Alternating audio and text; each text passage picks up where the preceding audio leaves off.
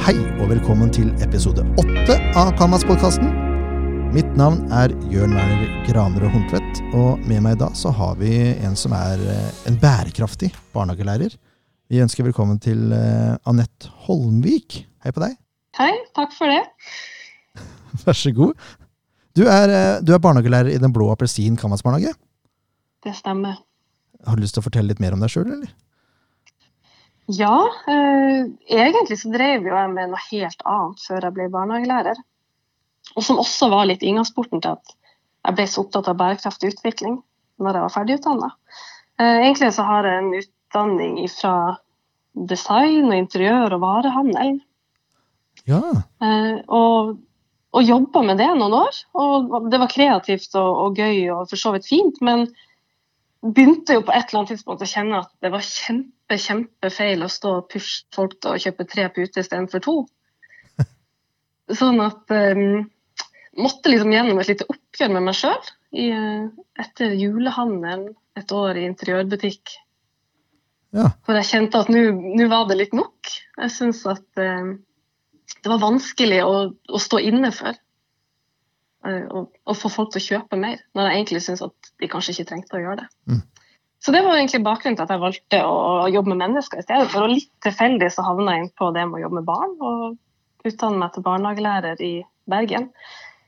Og siste året der så fikk jeg muligheten til å ta en sånn fagfordypning innenfor bærekraftig utvikling. ja. Som jeg skrev en bacheloroppgave om, og som jeg tok med meg når jeg fikk jobb i Den blå appelsinen. Så her ble jeg liksom bærekraftsansvarlig, fikk det som fagområde og ble en slags minister som skulle drive fram et prosjekt om bærekraftig utvikling. Så, så, det har jeg drevet med de siste årene etter at jeg begynte å jobbe her. Hvor lenge har du vært i Den blå appelsin? Nå er det snart fire år. Ja, fire år til sommeren. Ja. Så det starta ganske kjapt med, med dette prosjektet etter etter at jeg begynte der. Jobba veldig, veldig sånn aktivt et års tid med å få på plass hvordan vi skulle jobbe med det. Eh, og så har jeg senere reist litt rundt og holdt litt foredrag og vært i andre barnehager og delt erfaringene jeg har fått med det prosjektet. For å se om det kan inspirere andre til å gjøre noe lignende. Og nå er du med i Kammerspodkasten også. Ja visst. Det, det, er gøy. ja, det er kjempegøy, syns jeg. Um, du har nevnt det tidligere i, i podkasten, Dagens tema det er eh, bærekraftig utvikling. Hva vil, hva vil, det si å jobbe med dette i barnehagen? Det er jo det store spørsmålet. Hvordan får man alle de, de store, flotte ordene fra rammeplanen ned på, på, gulvet i barnehagen? Det er jo det egentlig alle lurer på, som vi har jobba masse med i barnehagen. Også må finne ut hva, hva betyr det her i praksis? Mm. Eh, og det som står i rammeplanen om bærekraftig utvikling, er jo bl.a. bærekraftig utvikling. Det, det, handler om at mennesker som lever i dag, skal få dekke sine grunnleggende behov uten å ødelegge framtidige generasjoners muligheter til å dekke sine behov. Mm. Og Det er jo en omskriving av, av det som eh, FN og Brundtland-kommisjonen sier at bærekraftig utvikling er. Mm. Eh, men det er ganske store ord, og det er annet med hva, hvordan, skal man, hvordan skal man lære barn om dette? Og Da liker jeg egentlig å bruke en annen definisjon som er enough for everyone forever. Så det skal være nok til alle alltid. Og jeg tenker Om vi jobber med bærekraftig utvikling i barnehagen, så handler det om å, å forenkle det her. Mm. Um, og så er jeg litt opptatt av at bærekraftig utvikling det handler ikke bare om fremtidige generasjoner. At de, vi som lever i dag, skal vite at det vi gjør, har konsekvenser for fremtida. Men det handler også om å se på naturen som, som, en, som en, helhet. At mm. vi er en del av hele systemet. Og det tror jeg er en veldig sånn fint perspektiv når man er sammen med barn. Mm. Eh, fordi at barna de er, her, og, de er her og de er nå med akkurat det vi holder på med. Mm. Så det er da å, å, ha fokus på hvorfor er det viktig å ta vare på naturen, ikke bare for oss og ikke bare for neste generasjon, men for, for maura som kryper på bakken, det er også for fuglene, det er for fisken i havet, det er for, det er for hvalen, det er for alle som er en del av, av dette kretsløpet, som vi også er en del av. Mm. Ja, det er hele økosystemet som er i, i tankene her. Hele, hele systemet. Og det, det er for min erfaring med barna det, de er jo født veldig empatiske. Mm. Altså de, alle barna jeg kjenner i barnehagen, er jo glad i dyr, de er glad i insekter de er glad i fugler. Og at det er veldig sånn lett og forståelig for dem å forstå hvorfor det er viktig at vi skal ta vare på dem. Mm. Eh, og det er et godt utgangspunkt og en start for å senere forstå det store bildet om hva slags konsekvenser våre egne handlinger har. Mm. Um, det har vært en litt sånn annerledes hverdag i vårt yrke, kan du si, siden barnehagene åpnet igjen. Eh, mm. Jeg personlig har vært fryktelig mye ute. Vi har vært på tur hver eneste dag. Åssen har det vært for deg? Det har vært fantastisk. altså jeg synes jeg pleier å tøyse litt og si at det nesten har vært en sånn gavepakke eh, å få muligheten til å drive barnehage på den måten her. Jeg har ansvar for førskolebarna. så vi En gjeng med, med 18 barn som nå har blitt seks år, eller som nærmer seg seks år. Ja. Og de blir levert ute, og de blir henta ute. Og vi er i den lokale 100-meterskogen vår hver eneste dag. Eh, og det er en utrolig gave, rett og slett, å få være der sammen med dem og få, og få se, i vår del av landet i hvert fall, en skikkelig fra vår til sommer. Og det å få være, å være på ett sted hele tida, og jeg syns at det har gitt meg muligheten til å være den barnehagelæreren jeg har hatt lyst til å være. Um, fordi at nå har jeg også fått lov til å være så masse utendørs og få oppleve alt det her sammen med barna. sånn at vi har vi ser virkelig det som skjer ute i naturen, og kan snakke om det og følge det fra dag til dag. Og vi får sånn større forståelse for, for helheten. Jeg hadde en sånn kjempe, kjempefin morgen, morgen her forrige uke. Hvor vi, jeg var i skogen og tok imot de første barna. Så det var, det var vel tre barn som hadde kommet. Og så plutselig så ser de et ekorn som de stopper opp og, og ser på. Mm. Og det er veldig nærme oss. Det er bare snakk om at det er et par meter unna oss. Og vi ser at det klatrer oppover en stor trestamme. Og så skjønner vi hva som skal skje, for da er det jo sånn at inni det treet her så vet vi også at det er en, en, eh, en liten spettmeisfamilie. Oh. Så da så ser vi at det her ekornet er på vei opp mot, mot hullet hvor det, de små fuglebarna bor. Mm. Og vi skjønner hva som skal skje. Og det blir så spennende, for Først var de jo veldig opptatt av at ekornet er så søtt og så fint det Og så skjønner man at ekornet her er jo faktisk ute etter, det er ute etter frokost. Og det skal ikke være nøtter i dag. Så da, så da, og så ser vi fuglemamma komme og lande på en grein og begynne med en sånn kjempealarmlyd. Mm. Uh, og holde på med det et minutts tid, og så kommer den andre fuglen, og så klarer de sammen å jage bort det ekornet som prøvde å ta og spise barna deres til frokost. Så det er nok med at vi kommer så tett på, fordi vi er, vi er, i skogen hele dagen. Så fuglene og dyrene som bor der, de er vant til oss nå. Så vi får, de er ikke redd oss lenger. De vet at vi er ikke noe fare for dem. Mm. Så vi, vi, får så muligheten til å være tett på, og så, og så se at det finnes på en måte ikke noen som er ond eller god i naturen. Jeg tenker, I barnelitteraturen så er det ofte en som er god og en som er ond, at det er liksom noen krefter som står mot hverandre. Mm. Men når vi er ute i skogen, så ser vi at alle vil jo bare ha mat. Alle vil det samme. Så det blir veldig mange fine, fine, samtaler med barna om det vi ser rundt oss, og at, uh, at vi må ta vare på det. At uh, vi kan ikke Vi hadde mange samtaler om maur, fordi de synes det var litt, i starten så var de veldig opptatt av at de skulle ta livet av mest mulig maur. Mm. Fordi de var jo slemme. De tissa på oss, og vi fikk vondt, og det var ikke bra. Men fordi at vi er der så masse, og vi er der så lenge over tid, så blir det som en god samtale om den jobben som den maura gjør ute i naturen, og hvorfor det er viktig at den får lov å, å gjøre det i fred og ro. At vi kan Det er vi som er på besøk i skogen. Mm. Det er fantastisk. Ja, det er kjempefint. Så det handler om å la barna lære seg å ta vare på naturen? Lære seg å ta vare på naturen, men også lære seg å se at, at naturen er et system som vi også er en del av. Mm. Og at det er ikke sånn at vi skal ta vare på naturen bare for vår egen del. Ikke for at vi skal dra nytte av den eller kose oss ute i den. Vi tar også vare på den fordi at alle de andre som som lever i den, har like masse verdi som oss. Mm. Og Det syns jeg har vært så fint ute i skogen nå, at nå har vi lært oss så mange artsnavn.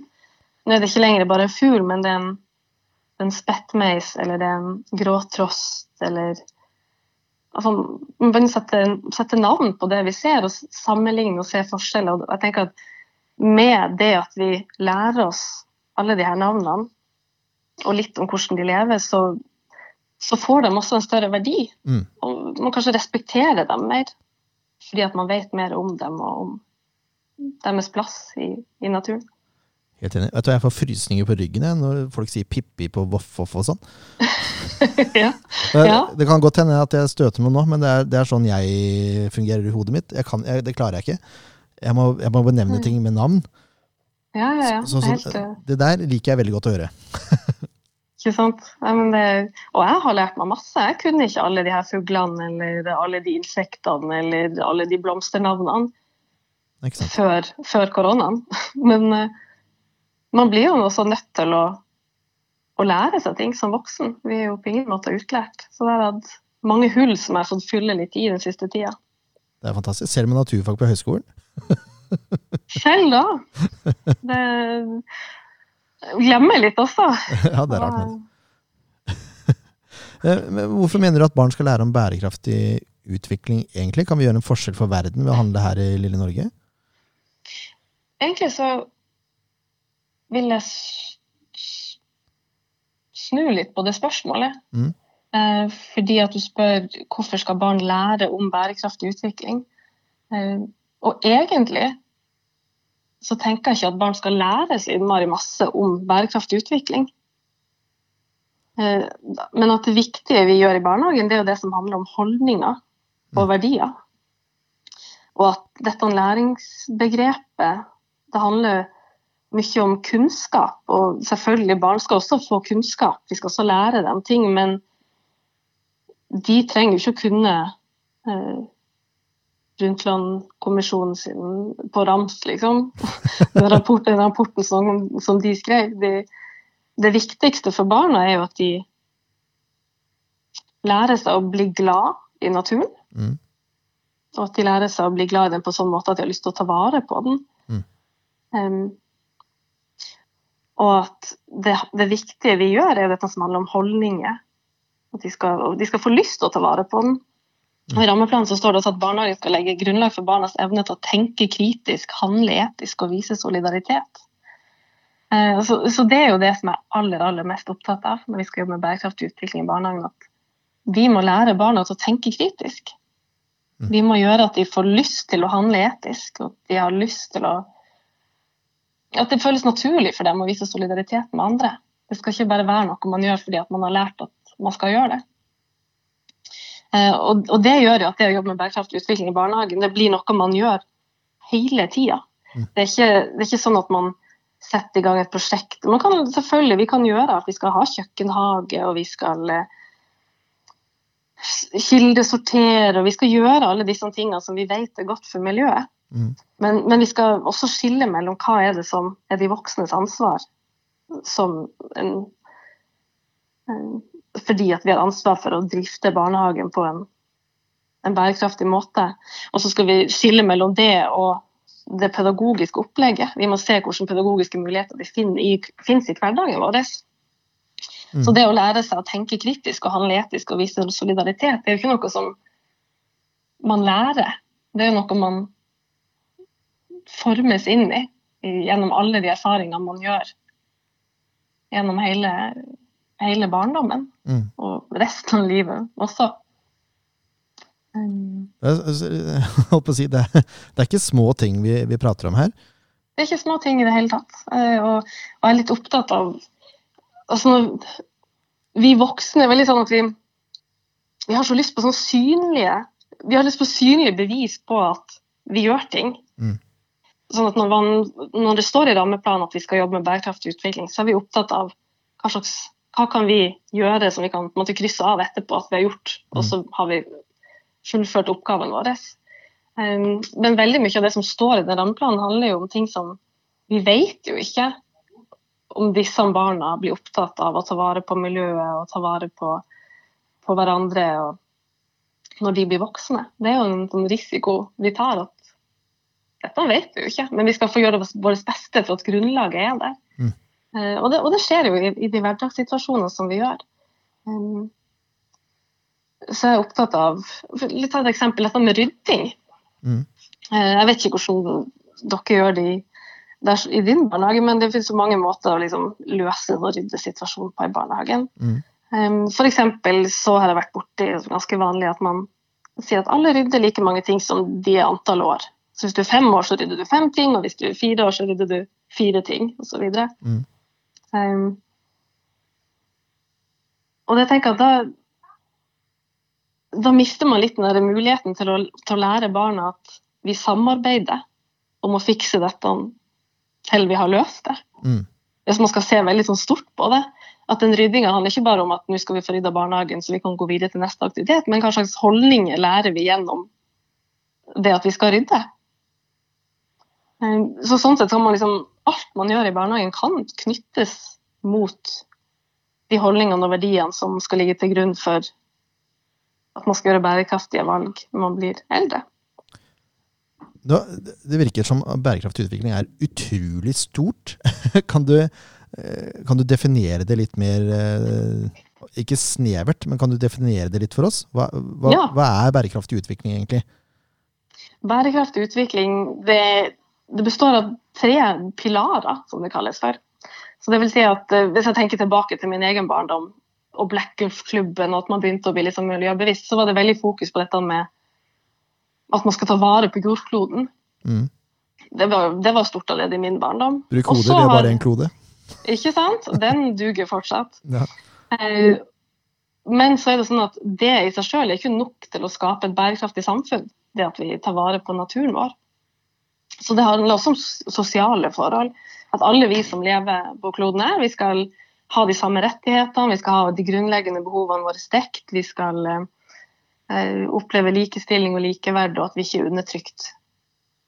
Så, så vi skal ta vare på kloden, men vi skal også ta vare på mennesker som bor på kloden. Og så er det siste punktet som handler om økonomi. At, altså rettferdig ressursfordeling. At det, det blir ikke bærekraft av at det sitter en liten prosentandel og eier mesteparten av jordas ressurser, og resten går uten. Eh, Så det er liksom de tre, og i møtepunktet mellom dem så, så kan det forhåpentligvis oppstå et bærekraftig samfunn. Og bærekraftig utvikling det er jo på en måte hele reisa dit. Mm. Hvor alle sammen tar i et tak for å, for å, å komme til det punktet hvor man har bærekraft.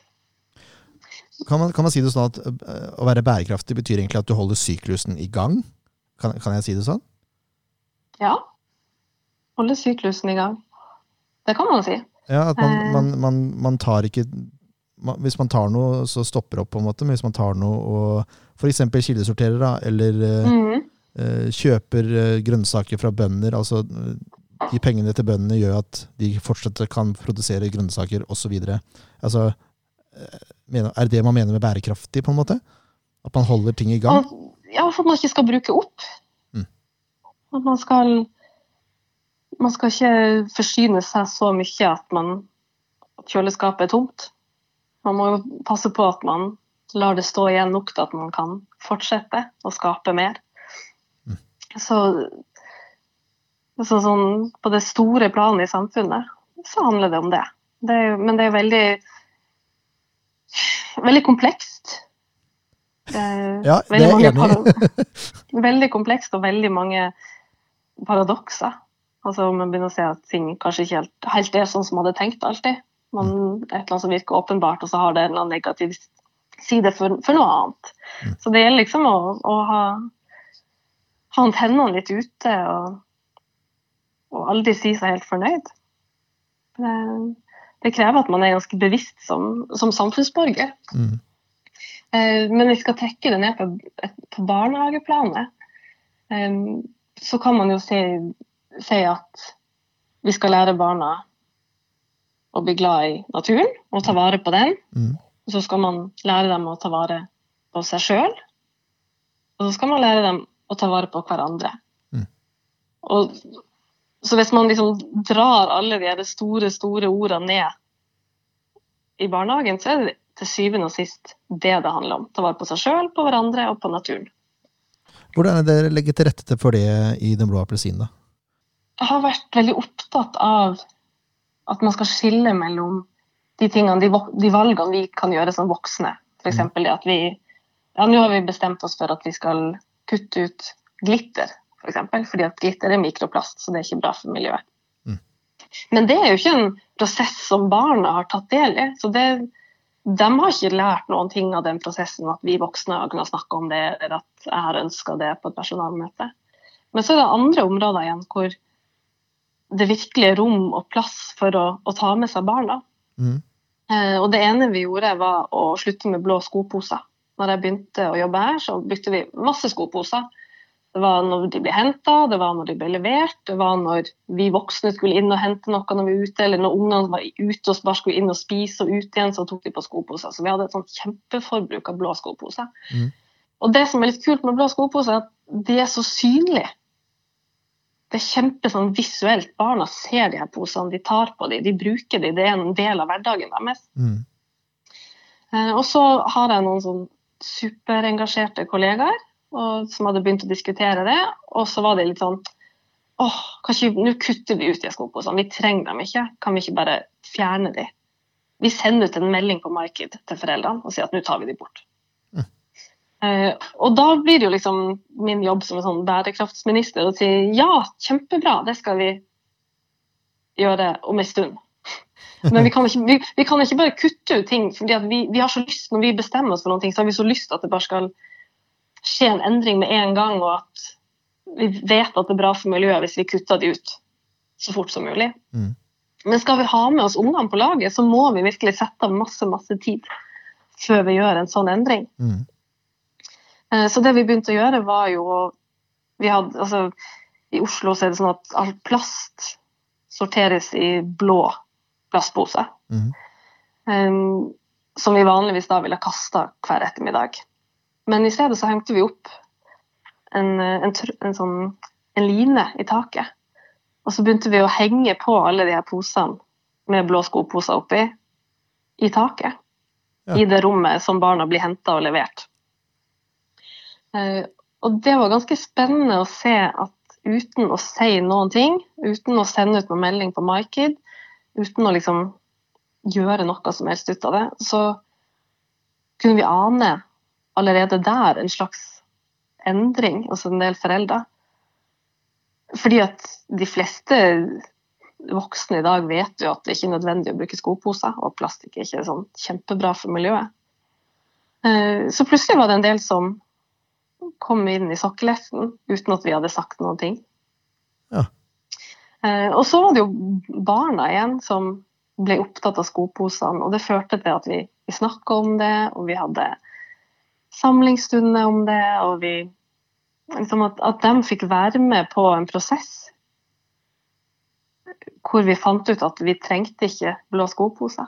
Og de ble så stolt når foreldrene slutta å bruke det, fordi at da var det viktig for dem også at vi skulle ta dem bort. De fikk et eierforhold til det? Mm. Um, og det tenker jeg at alt vi skal gjøre av sånn type prosjektarbeid som er knytta til bærekraftig utvikling, da handler det om to veldig viktige ting. og Det ene er synliggjøring. Vi må vise fram det vi vil slutte med, før vi tar det bort. For når vi, altså Alle barnehager i Norge er kjempegode på å plukke søppel. Det er jeg helt sikker på. Det er ikke en eneste barnehage i dette landet som ikke plukker søppel på tur. Men hva gjør vi med det når vi kommer tilbake fra turen? Vi kaster det i søpla. Mm. Eh, det vi begynte å gjøre, var at vi lagde en kjempe, kjempestor ramme og hengte opp på veggen utenfor barnehagen. Og så begynte vi å vise fram alt vi fant på tur. Så det ble et samarbeidsprosjekt som, som hele barnehagen var med på. Eh, og, og, det ble også sånn bevisstgjøring for foreldre og for oss og for barna. At tenk, alt det her har noen kasta fra seg. Mm. Og, de har, og de har bomma på søppelkassa. ja. så, sånn så, at vi synlig, synliggjør må vi gjøre, og så må vi bruke masse tid. Mm. Uh, ja. Hvordan, uh, hvordan, får dere dette fram i leken, da? det har jo vært en veldig sånn En annen ting som har vært viktig for meg, som egentlig starta litt med at eh, jeg skulle sette meg litt inn i, i, liksom, eh, i fag, faget om bærekraftig utvikling. Så jeg begynte å bla i gamle skolebøker Mm. som jeg hadde hatt på høyskolen. Og der sto det et, et lite sitat som jeg hengte meg veldig fast i. Og der sto det at et eller annet sånt som at eh, å brette melkekartonger kan være en eksempel på en meningsfull aktivitet for barn når de skal lære om bærekraftig utvikling. Og så begynte jeg å tenke veldig på det her med meningsfull aktivitet. Mm. Og slo, slo fast at egentlig syns jeg ikke at det nødvendigvis er så veldig meningsfullt for et barn å stå og brette melkekartonger. Det, det kan jeg si meg enig i. Ja, ikke sant? Eh, Men, men når er det at en aktivitet blir meningsfull for et barn? Det er jo det første når hvis en gjør det sammen med andre barn eller med voksne som den er glad i, og som klarer å fylle aktiviteten med en mening. Eh, Og det andre mest meningsfulle barn i barnehagen gjør, det er å leke. De leker jo hele dagen. De leker jo når de spiser, de leker jo når de sitter på do. Altså de, leken er jo stort sett alltid til stede i en eller annen form. Mm. Det å late som eller leve seg inn i, i ting. Eh, Så jeg begynte å se på hvordan lek kunne være en måte å få noen holdninger og noen verdier å lære om bærekraftig utvikling på. Eh, Så da gikk jeg på NRK Super og begynte å se på barne-TV for første gang i mitt voksne liv. Eh, Og fant Planetpatruljen, som er en sånn fantastisk NRK-produksjon som jeg håper at alle som har barn i Norge, eller som jobber med barn, tar seg tid til å se sammen med barna. Mm. Eh, For de som ikke kjenner til den, så er det en, det er en slags moderne Blekkulf.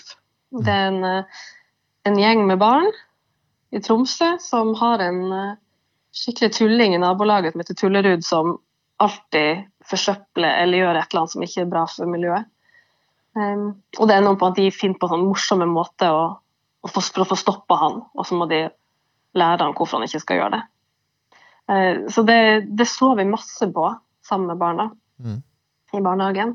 Og det som skjedde da, så vi fikk en sånn felles leke, lekeramme, hvis man kan si det. At de lærte seg en handling, og de lærte seg om noen karakterer, og de lærte noen replikker, og de, noen handlingsforløp, og liksom ting som Pluss den faktakunnskapen som ble servert i de programmene. Og så har vi lekt Planetpatruljen i fire år snart. Oi. Eh, Det har slått så an, og de, alle de voksne er med på det, barna er med på det. Um, Så eksempel liksom, sto, Vi hadde en sånn utescene utenfor barnehagen hvor jeg sto og dansa litt sammen med noen barn. Og så plutselig så var det noen som liksom kom og tok rundt knærne mine og holdt meg fast. Mm. Og så er det en liten, en liten jente der på tre og et halvt som sier du får ikke lov å kaste søppel i naturen. Så holdt hun fram en liten sånn bit av en pappkopp hun hadde funnet på bakken. Og da visste jeg at hun lekte Planetpatruljen, og jeg hadde sett det. Så jeg kunne med en gang liksom kaste meg inn i det og si jo, jo, det, det er helt i orden å kaste søppel i naturen, det blir borte. Og så kan jeg liksom bli med på den, den regla som vi kjente Mm. fra den TV-serien. Og så måtte jeg bli med da og kaste det her i søpla og love aldri å gjøre det mer. Og så fortsatte jeg leken med de andre barna, og så skjedde det samme igjen med en annen jente. Og sånn holdt det liksom. Det var tre jenter som holdt på sånn her om og om og om igjen, og kom og holdt meg fast og arresterer meg og sier at du får ikke kaste søppel i naturen. Eh, og da tenker jeg at de har lært dette mye bedre enn hvis jeg skulle fortalt dem det samme ti ganger. Mm. Det er noe med at man gjennom leken så får man liksom øvd ut en sånn rolle. De her jentene får jo lov til å leke at de arresterer en voksen og forteller hvordan ting skal være, og at man ikke skal kaste søppel i naturen. og da, da blir det kanskje liksom viktigere for dem enn Mm. at bare de voksne skal drive og rette på barna eller fortelle dem hva de skal gjøre hele tida. Helt enig. Helt enig. Det, det er det med eierforhold igjen. Da. Og eh, via leken så er det jo lettere for barn å få et eierforhold til ting, som regel. Mm. Det er jo fantastisk. Vi har snakket litt om det med kildesortering, og det er også noe som alle gjør og alle er opptatt av. Ja. Men kildesortering kan jo også være en helt sånn, noe som går helt på automatikk. Akkurat som at i duplokroken, i duplokroken her i barnehagen hos oss, så sorterer vi etter farge når vi rydder. Mm. Og det blir en sånn ting som går på automatikk. Og det samme kan jo faktisk kildesortering være. Man lærer at matavfall skal i den ene posen, og at plastikk skal i den andre. Men det er ikke sikkert man, at man får noen holdninger og verdier til å kjøpe likevel. Man får bare noen vaner. Ja, Eh, De er i det minste bærekraftige, da. En, ja, absolutt en bærekraftig vane, men jeg tenker at skal, skal det bli viktig for dette barnet å fortsette å gjøre det resten av livet sitt, så Mm. det er også viktig at en ser verdien av at det blir gjort. Mm. Eh, Sånn at man Alle sånne ting man velger å gjøre Jeg mener ikke at alle barnehager i Norge skal gjøre alt når det kommer til bærekraft, men man må velge seg noen ting som man brenner for, og gjerne noe som personalet er opptatt av. Er det kildesortering, eller er det å kutte ned på plastikk, eller det å være ute hele tida i naturen. Uansett kan man velge å liksom ha som sin kampsak det man brenner mest for. Så i hvert fall gjør det man kan for å gi, få barna med på det, og ikke bare gi dem noen vaner. Men ja, holdninger, verdier, tenke kritisk, snakke om det. Mm. Gjøre at barna har lyst til å gjøre det selv, og at de har lyst til å lære andre det. Ikke minst barna elsker å lære bort det de kan. Mm. Om det er lære det til foreldrene sine, eller om det er til eh, andre i barnehagen, eller om det er at man skriver et brev og sender til lokalavisa. Altså, Det er Fantastisk. Få opp engasjementet, rett og slett. mm. Du, du nevnte de, de tre pilarene eh, Mhm. i bærekraftig utvikling. Du, vi har snakka mye om natur og, og resirkulering og den type ting nå. Kan, kan du si Ja. litt om de sosiale og økonomiske aspektene også? Det kan jeg. Um, skal vi begynne med dette med sosiale forhold, så er det jo å få det også ned til, til, barn, til barnas hverdag her og, her og nå. Og i, altså i, i rammeplanen så står det for så vidt at man skal tenke og handle både lokalt, nasjonalt og globalt. Mm. Eh, jeg liker egentlig å heller si at man skal tenke globalt, men handle lokalt. Jeg er opptatt av at man skal ta tak i det som er rett foran nesa på en Mm. først. I hvert fall når man er tre, fire og fem år gammel. Begynne med det som man kan kjenne på eller se eller selv erfare. Mm. Eh, Sånne sosiale forhold det handler jo selvfølgelig om hvordan andre barn har det andre steder i verden. Det skal man jo også ha stor solidaritet med å vite om, men man skal ikke glemme det som er helt nært, nært, nært inntil også. Um, og en måte som, som man kan jobbe med det på, er å gå gjennom barnehagens rom. Hvordan ser det ut i barnehagen der man jobber? Mm. Hva slags historie er det vi forteller med, med det vi viser fram? Jeg har sett masse på barnebøker. Jeg syns det er kjempespennende å liksom gå inn i barnebøkene som vi har i barnehagen, og se hva slags historie vi velger å, å fortelle. Mm. Um, så jeg tok en dag og samla sammen absolutt alle bøker jeg kunne finne på huset her. Og så tok jeg noe, så- noe så enkelt som dette med gutter og jenter. Hvem er det som har måtte, hovedkarakteren i bøkene? Mm. Eh, og jeg jobber i en barnehage med en, en kollega av meg som har likestilling som et eget fagområde, så jeg vil si at vi er egentlig veldig bevisst på de tingene her. Men det er et eller annet med at man glemmer litt å se hva slags materiale man har tilgjengelig. Mm. Så I de bøkene våre så var det 105 bøker som handla om gutter i hovedrollen. Og så var det 59 bøker som handla om jenter i hovedrollen. Um, og det jeg tenker rundt det, at barna er nødvendigvis ikke altså De blir ikke bevisst på det. De ser ikke det. Men litt sånn ubevisst, når man velger å fortelle en historie dobbelt så mange ganger enn den andre, så gjør det jo noe med slags, hva slags verdi det får. Mm. Eh, og det kan være i bøker, eller hva slags bilder har vi, hva slags dokker har vi, hvordan ser duplofigurene våre ut. Um, hvem er det vi gir verdi, og hvem er det som forsvinner litt? Um, og det kan jo en ting med, med kjønn, men det kan jo være funksjonsevne, seksuell orientering, sosial status, etnisitet, religion osv. Mm. At, det- at noen historier blir fortalt oftere enn andre. Det er ganske mange barnebøker i hyllene som har en lyshuda mamma og pappa med blondt hår og en gutt og en jente og en hund. Sånn at man, man, kan være litt, sånn, være litt, kris, være litt kritisk til hva det er man forteller, Mm. uten å bruke ord. For man kan snakke, Vi skal jo snakke om de tingene her, men man kan også vise det fram på andre måter. Um, Økonomi, ja, jeg sier ikke om det. ja, Jeg prater meg, prater meg bort. Ja, dette økonomi handler om rettferdig fordeling av ressurser. Eh, og økonomi på et sånn rent praktisk plan i barnehagen handler jo om telling, lekebutikk, alle de greiene som man gjør når man skal lære seg om matte og, og penger og økonomi. Mm. Eh, men, men hva er det egentlig barn gjør hele dagen i barnehagen når de leker? De fordeler ressursene de har tilgjengelig. Mm.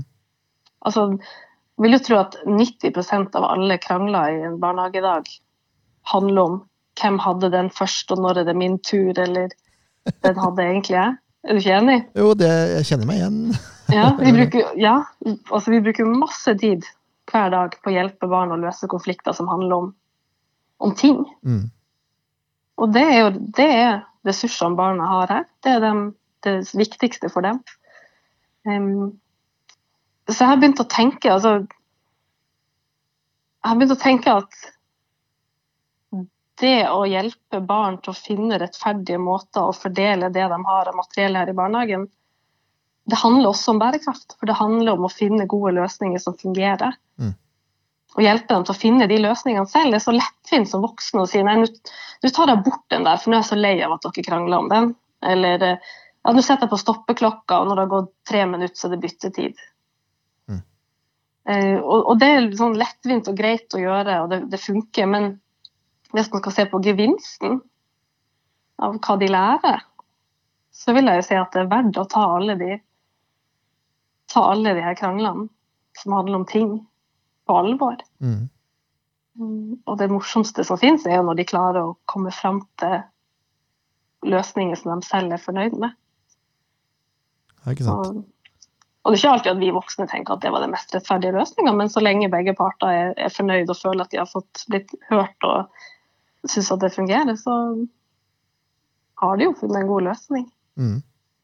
Så det er, ikke, det er ikke bærekraftig å kjøpe flere leker, sånn at alle får en hver? Eller? Eh, Syns du? da spør jeg deg, det er du som er eksperten her. Eh, nei. Nei? Jeg tenker ja, ja. Vi kan sikkert klare oss med ikke så veldig masse. Og så klare å fordele det på en god måte. Mm. Men det er jo fristende Ja, det, det det er jo en, eh, en enkel løsning, men er det bærekraftig? Det var det jeg egentlig lurte på. Nei, Nei, enkelt og greit. jeg syns Jeg syns ikke det. Jeg syns at um, vi kan prøve å klare oss med litt mindre og reparere mer av det vi har. Mm. Og så hjelpe barna til å finne gode måter å fordele, fordele det i løpet av dagen. Mm. Det tror jeg er bærekraftig. Men det er alltid mange sånne Jeg var innom paradokser her i stad. At det, det som kan virke bærekraftig på én måte, blir helt feil på en annen måte. Mm. Eh, For eksempel eh, det her med å gje- gjenbruk. Mm. Um, at ofte i- i- hvis man skal lage et formingsprosjekt, så velger man kanskje å gå for gjenbruksmaterialer, eller bruke søppel eller ting man finner for å lage nye ting av. For å lære barn noe om verdien av å gjenbruke, og hvorfor det er viktig. Mm. Samtidig så er det jo en del ting som ellers ville blitt resirkulert, som ikke blir det etter at man har lagd et eller annet morsomt med masse lim ut av det. Så det Ja, men eh, må det ikke være litt sånn innimellom òg, da? På en måte? Jo, det, og det er det jeg mener. at Vi kan ikke, vi skal ikke gå rundt og være helt sånn politi på oss sjøl heller. Nei. Det må man liksom hele tida veie opp mot hverandre. Hva, hva er målet med den aktiviteten? Mm. Eh, og er det viktigste at eh, dette blir resirkulert, eller er det viktigste at vi, at vi lærer noe i prosessen? Og så får man leve med at det hadde kanskje vært mer bærekraftig å ikke gjøre det. Mm. Men at man liksom kan se det i en større sammenheng og se det Sette seg mål som er litt lengre framme enn enn det som vi gjør akkurat nå. Det virker som for meg at refleksjon er en viktig del av det å være bærekraftig. Ja, det Det, det er jeg enig med deg Mm. Og det, det er liksom har lyst til å er å få i gang noen gode diskusjoner, noen gode tanker og refleksjoner i, i personalgruppa rundt de tingene. Fordi at det er så lett å ønske seg noen smørbrødlister. så tenke at man ja, vi blir med, vi blir en grønt flagg eh, sertifisert, eller at vi blir miljøfyrtårn, så er liksom jobben gjort. Mm. Eh, og på mange måter så har man gjort en veldig god og viktig jobb. Men man må hele tida være litt sånn obs på de, den læringsmulighetene som, som finnes. Og hva kan, vi, hva kan barna få mest utbytte av? Mm. Eh, Og da krever det at man er litt våken, at man snakker sammen og kan være litt uenig om ting, eller Det er lov, det. Det er lov. Det er viktig. Du, nå må vi begynne å, å runde av litt, men uh, har du noen tips eller råd til andre som har lyst til å være en mer bærekraftig barnehage? Ja. Da vil jeg trekke fram dette med å tenke bærekraft. Reflektere seg fram til de mulighetene som finnes gjennom hele hverdagen. At bærekraft ikke skal bare være et prosjekt. Man skal ikke bare si at i februar så jobber vi med bærekraftig utvikling, og så har vi gjort, gjort det. Altså det må, det må gjennomsyre alt man gjør. Være god på å synliggjøre. Være Mm. god på å um, bruke god tid sammen med barna. Se de mulighetene. Finne meningsfulle uh, aktiviteter. Og gjerne bruke leken. Altså, se på Planetpatruljen, eller lag sin egen eh, karakter i barnehagen som man kan gå sammen om å endre til det bedre for å ta vare på miljøet. Mm. Og være litt sånn Ta liksom på seg noen briller og gå gjennom sin egen barnehage og se hva, hva slags historie forteller vi her. Hva er er hva er det vi tillegger verdi gjennom hva vi viser fram eller ikke viser fram. Um, og så tror jeg, i hvert fall har jeg lært veldig masse å være så masse ute i denne perioden her. Så jeg vil jo virkelig oppfordre Når man jo går igjennom og skal lage refleksjoner rundt hva man har lært av den tida her, så er det også å sette opp i et slags sånn bærekraftsperspektiv. Mm. Er det noe Hva har vi egentlig lært som vi kan ta med oss videre? F.eks. med det å være masse ute, eller eh, liksom finne, finne Jeg håper jo at mange har lært at det å være i nærmiljøet og være my mye hjemme og sånn, at det, det, kanskje det er nok. Men jeg vet i hvert fall at det finnes masse engasjerte, flinke, dyktige barnehagefolk der ute som er kjempegode på å bruke natur og miljø i hverdagen sin. Mange som har masse personlig engasjement som de tar med seg på jobb. Og det er så flott. Å se og få treffe på alle de folkene her når jeg er ute og møter dem som jobber i barnehagene. Eh, og så er det å ta med seg dette med denne refleksjon. At bærekraftig utvikling ikke bare handler om en sånn smørbrødliste med ting man skal gjøre, men også det handler om alle de samtalene man skal ha. Fantastisk. Det det, ja, det her er litt sånn tenkepodkast, merker jeg. For det, man, man, man må tenke gjennom praksisen sin, øh, og så gjør man det, jeg gjør i hvert fall det, mens jeg hører på deg prate. Begynner å reflektere rundt ting som vi gjør, uh, opp imot det du sier. Så jeg syns det var Ja, veldig en- spennende. en- har, du lyst til, å- har du noen eksempler du har tenkt på nå? Som, Nei, vi har også vært veldig mye ute. mm, Uh, men kanskje ikke hatt så mye fokus på det som skjer i naturen. da. Kanskje hatt mer fokus på, på leken og det vi har planlagt om å gjennomføre. Mm, Ikke så mye på hva som faktisk skjer rundt oss når vi er ute. Så det, det har jeg litt lyst til å ta med f.eks. ha med seg oppslagsverk så man kan se hva slags blomster er egentlig dette her, hvis vi finner noen nye blomster, eller hva slags fugl Mhm. er egentlig dette her. Um, det, var, det var det første som slo meg. Det, var det, det er det jeg har tenkt mest på etter du prata om hvordan du hadde det Ja. hos deg nå. Og det, det vil jeg anbefale, for det er virkelig spennende Mm. Og lære mer og lære det sammen med barna. Da får man lyst til å, å ta vare på det, og at det skal få fortsette å være på, på den måten. Fantastisk. Eh, Anette, hvis det er noen som eh, lurer på noe, eller har lyst til å diskutere noe, eller har noen tips, og sånn, er det mulig å få tak i det noe sted, eller? Selvfølgelig. Det er bare å Ja, hvordan finne meg inne på på Canvas sine sider, egentlig. Ja. Ligger det ikke noen kontaktinformasjon ute på, på nettet der? Jo, og så eh, Hvis man sender en mail nå, så er det jo bare til å skrive Anette og prøve å søke det opp. Anette Holmvik, i barnehagelærer. Så tror jeg det er mulig å bare sende mail til deg også. Ja, anette.holmvik.canvas.no er det vel, eller noe sånt? Ja. Den pleier jeg å sjekke innimellom, så kjempegøy hvis noen har lyst til å ta en prat eller stille noen spørsmål eller dele noe som de selv har opplevd. Fantastisk. Som de Ja. Det, det, det er helt nydelig. Da oppfordrer vi til å gjøre det. eh, -hmm. og, og ta refleksjon og diskusjonen i egen barnehage også.